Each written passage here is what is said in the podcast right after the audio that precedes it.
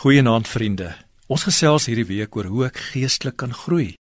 Dalk het jy die begeerte om nie meer stil te staan in jou geloof nie, maar eerder vorentoe te beweeg, agter Jesus aan.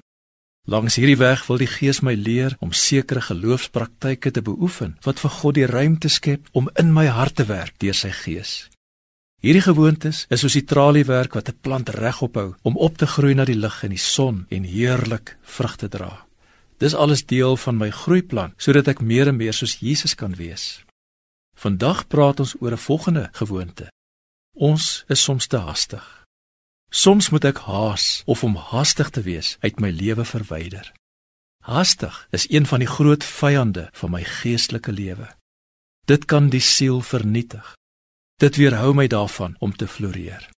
Karl Jung het gesê: "Hurry is not of the devil, it is the devil." As ek wil groei, moet ek die haastige lewe so bietjie aanvat.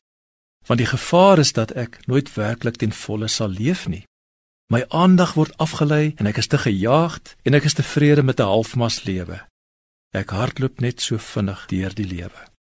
Haastig wees is 'n siekte.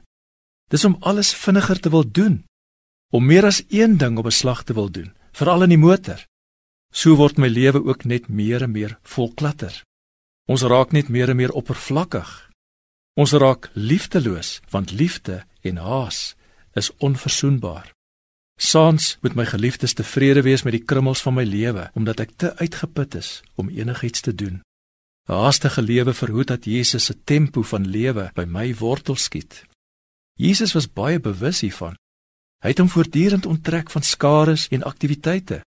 Hy het sy disippels geleer om dieselfde te doen. Wat is die genesing van hierdie haastige siekte?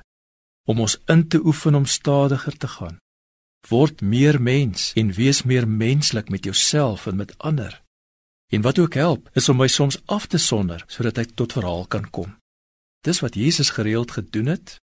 So kom ek vry van die sosiale kragte wat my probeer vorm. Ek gee geleentheid dat God sy rus vir my kan gee.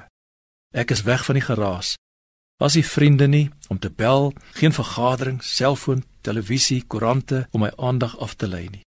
Net soos ek is. Net ek en God met my honger na God. Was jy aan die jag vandag? Wat gaan jy vanaand doen om bietjie stadiger te gaan?